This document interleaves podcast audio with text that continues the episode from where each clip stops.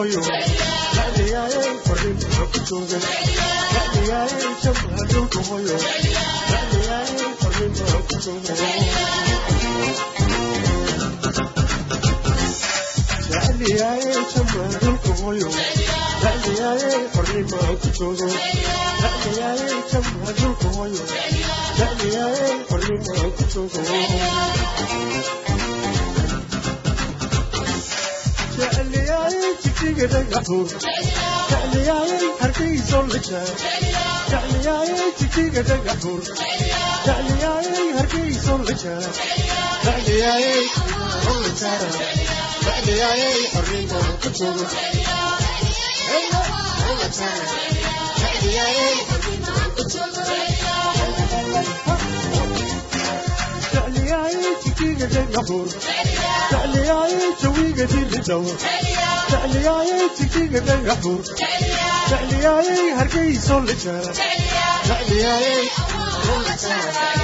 jecliyaaye habiibo la joogo jecliyaaye awaaro la jeera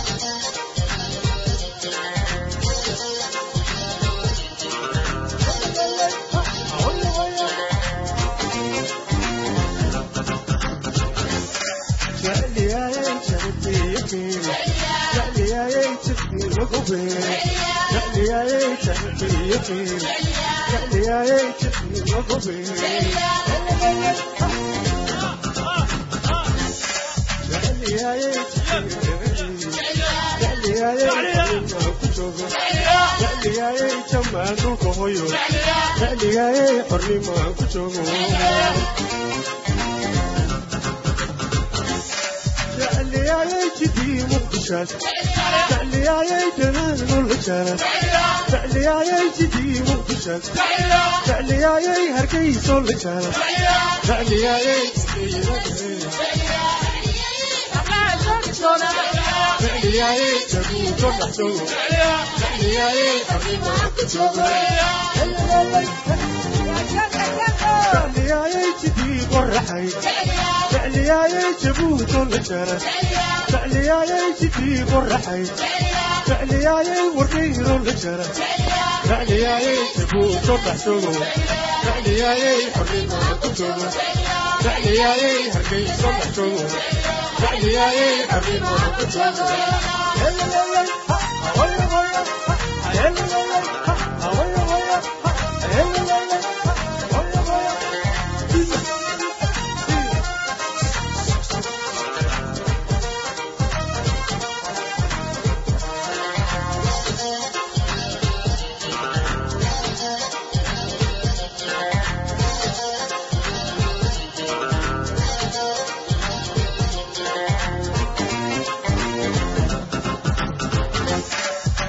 dhexdhigaaye jamaaldinka hooyo dhexdhigaaye xornimo aan ku joogo dhexdhigaaye jamaaldinka hooyo dhexdhigaaye xornimo aan ku joogo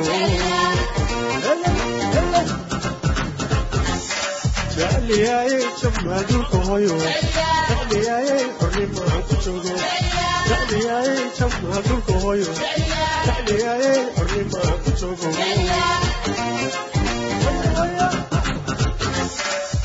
jecliyaayey jijiga dhagaxuun jecliyaayey hargeyso la jara jecliyaayey jijiga dhagaxuun jecliyaayey laascano dhexdooda jecliyaayey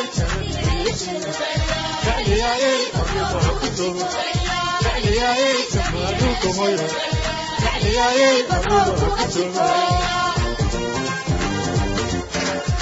jecliyaayey jijiga dhagaxuun jecliyaayey hargeyso la jara jecliyaayey jidii qoraxay jecliyaayey wadhiino la jara jecliyaayey jamaal dhulka hooyo jecliyaayey xornima ku joogo jecliyaayey jamaal dhulka joogo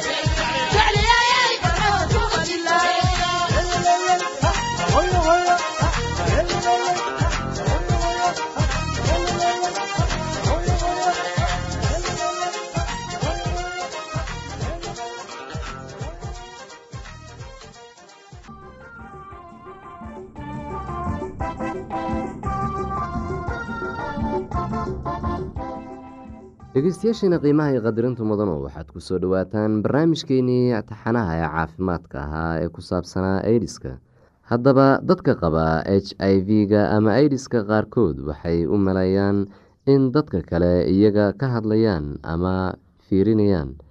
Shakigan ku dhashay awgiis waxay rabaan inay isqariyaan mararka qaarkood waxay dareemayaan in la takoorayo ama iyaga ayaa istakooraya.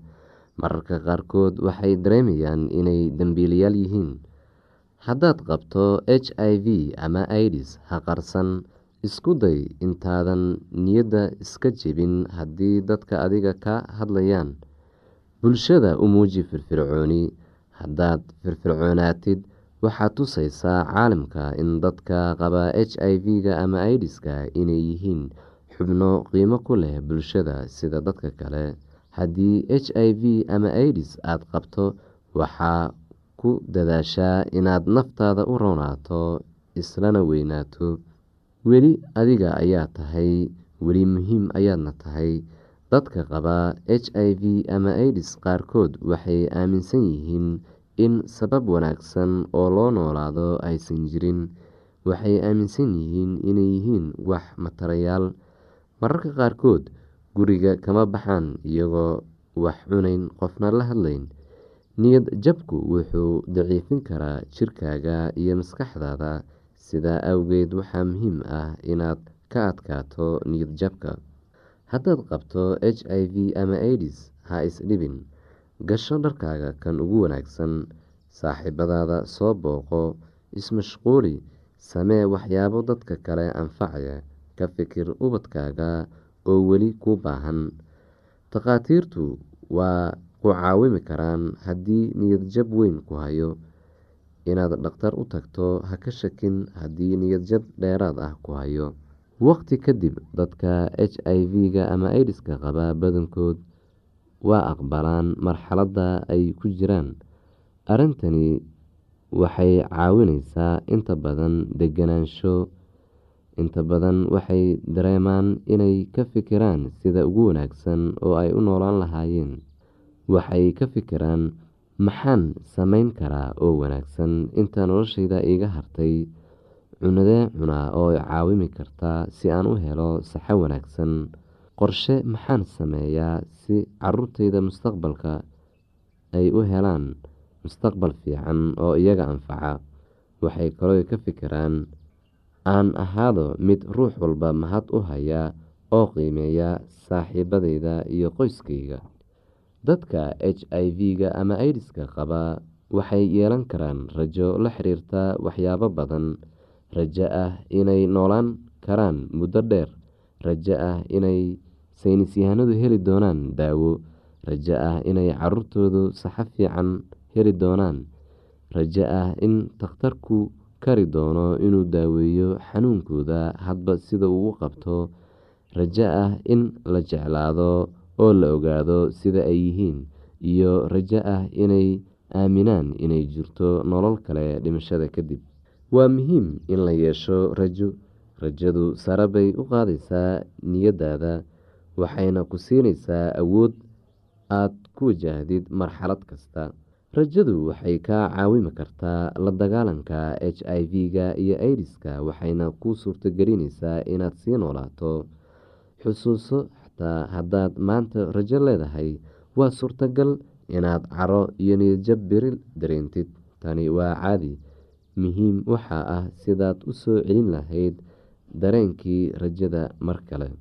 Rajada iyo ogolaanta waxay kaa caawimi kartaa inaad h i v iyo idis ku noolaato xaqiiqada inaad kala doorato inta aad nooshahay waxa caafimaadkaaga u wanaagsan inaad samayso nolosha tan ugu wanaagsan sida adiga oo ah qof h i v ama idis qaba.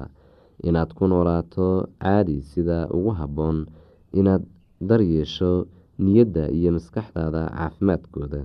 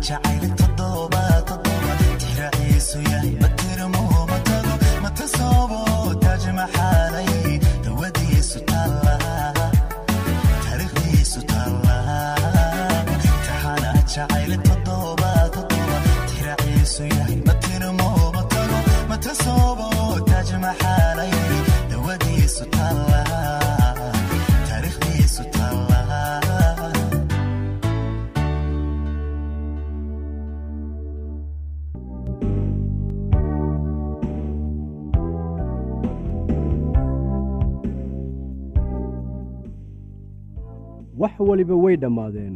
Qofkii aad wada joogteen maanta waxa uu doonayaa inuu qof kale la joogo. Miinadii kol hore ayaa la riday oo ay qaraxday. Haddaba maxaad samayn? Shantan siyaabood keebaad dooran. Ta koowaad inaad jilbad jabsato oo aad tuugto qofkii aad wada joogteen oo aad weyddiiso inuu dib kugu soo laabto. Ta labaad inaad ballanqaadyo culculus samaysid oo aad u sheegtid qofka kale inaad noqonaysid sida uu kaa doonayo waxa aad ballan ku qaadaysaa inaad isbeddelaysid. Ama tan saddexaad waxaad iska dhigaysaa mid murugsan oo waad ilmaynaysaa si uu markaasi uu qofku kuugu naxariisto. Haddii ay taasi shaqayn weyso malaha markan waad baruuran oo oohin la ajligeed ayaa wejigaaga ku bararayaa laga yaabaa fikraddan afaraad inuu shaqeeyo haddii ay kuwii kale shaqayn waayeen. Waxa aad ku dhaaranaysaa inaad dabaq fuuli doonto oo aad halkaas iska soo tuuri doonto si aad u dhimato maadaama aanad haddeer nolosha qiimo u arkin. Kuuma muuqato wax faa'iido ah oo aad u sii noolaatid. Bal eeg fikraddan shanaad uga mahadnaq qofkii aad wada joogteen wakhtigii aad wada qaybsateen kadibna kala dhaqaaqa oo mid waliba guri gaar ah ha ku noolaado. Aalaa qofka la furay marka waxa uu dareemayaa xanuun oo caro la ajligeed ayaa waxa uu u horarayaa qofkii kale. Waxa uu sidaa u samaynayaa inuu ishilmaansiiyo xanuunka furitaanka. Adiga laftaada waxaa dhici karta inaad andacootid oo aad qofkii caysid oo aad tustid sida uu xayawaan ama nacas u ahaa markii ugu horraysay ee aad wada kulmayseen iyo siday u wanaagsanaan lahayd haddii aad iska furi lahayd waa hore. Waxaa jira wax qalbiga qofka ku jira laakiin marnaba uusan afka ka odhanaynin laakiin waxa uu ku haysanayaa maskaxda. Waxa uu is odhan karaa isaga weeye midka aan i doonaynin laakiin aniga weli waan doonayaa. Marka warku ku saabsan waxa aad adigu tahay faafo cid ku rabaysa ma jirto. Maadaama aad aniga diidday waxa aan isku taxallujinayaa inaan arko adiguna inaanay cid ku rabin. Mararka qaar ka aargoosashada noocan ah ayaa waxa ay u dhacdaa si cad oo weerar ah. Markii uu cumar furay sacdiya waxay ku tidhi isaga iyada oo qaylinaysa inaad sidan samayn weligay waan ogaa markii hore ayaan qalad sameeyey maba ahayn inaan ku guursado. Inaad qofka wax yeelaysaad jeceshahay sow ma ahan. Marar badan ayaad ii waxyeelaysay oo aan xitaa tiradoodu xusuusan laakiin marka aad ii dhammaysay wax walbaan ku siiyey oo wax walbaan kuu sameeyey. Bal haddana fiiri sidaad iila dhaqmaysid. Allah haddii aan sidaan ogaan lahaa markii horeba weligaa iima aad roonayn mararka qaar marka dareenka xiriirku kor ahaa qofka doonaya furniinka waxa uu ka helayaa qofkii kale jawaab ku salaysan goodin wax isdabamarin iyo xitaa dagaal. Hanjabaad ku saabsan inaad qofka sirtiisa sheegaysid ama aad daraag isticmaalid ku kici doontid ama aad isdili doontid ama waxaad odhan jumladooyin ad adag adiga oo doonaya inaad qofkaasi ku dheganaatid. Mararka qaar qofka la diiday wakhti yarba ha ahaatee waxa uu ku cararayaa inuu xiriir cusub la yeesho qof cusub si uu u soo gudo jacaylkii ka lumay. Iska ilaali inaad qof jeclaatid isla markii lagu furo. Xusuuso haddeer wax waliba oo aad samaysid adiga ayay dushaada tahay waxaana laga yaabaa inaad ku degdegtid xiriirkan. Maxaa wacay? Waxaad doonaysaa inaad buuxisid meeshii bannaanayd. Jacaylka noocaas ah kadib furniinka allah waa mid been ah oo muddo yar gudaheeda ku soo gebagabooba haddii aad ka naxaysid oo aad weli xurmo u haysid qofka bilaabay furniinka waxaa wanaagsan inaad qofkaasi wakhti siiso furniinka dabadii si uu uga fikiro oo bal u eego inuu wax qalad ah sameeyey intii aad xiriir cusub bilaabi lahayd. Wakhti ku filan c oo ka bixi shakiga ku jira maskaxdiisa ama maskaxdeeda. Markaan isku day inaad wax wanaajisid waxa aad qofka kale u sheegtaa in isbarashadii aad isbarateen runtii ay aad ugu wanaagsanayd oo aanad fahamsanayn sababta ay u dhammaatay laakiin haddii ay sidaa dhacday aad u rajaynaysid farxad kaamil ah u xaqiiji qofka inaad weligaa saaxiib la ahaanaysid markii wax waliba la yidhaahdo oo la sameeyo aqbal xaaladda oo u isticmaal sida kugu wanaagsan intii aad isku baabi'in lahayd. Dhegeystayaal ku soo dhowaada idaacaddeenna oo aad xiliyadan oo kale hawada inaga dhegeysan jirteen anigoo ah cabdi maxamed waxaan idin leeyahay dhegeysi suuban waxaad barnaamijyadeen maanta ku maqli doontaan heesa iyo waxbarasho caafimaad iyo nolosha qoyska haddii aad qabto wax su'aalaha fadlan inala soo xiriir ciwaankeenna waa radio somaly at yahu com. Mar labaad ciwaankeenna waa radio somaly at yahu com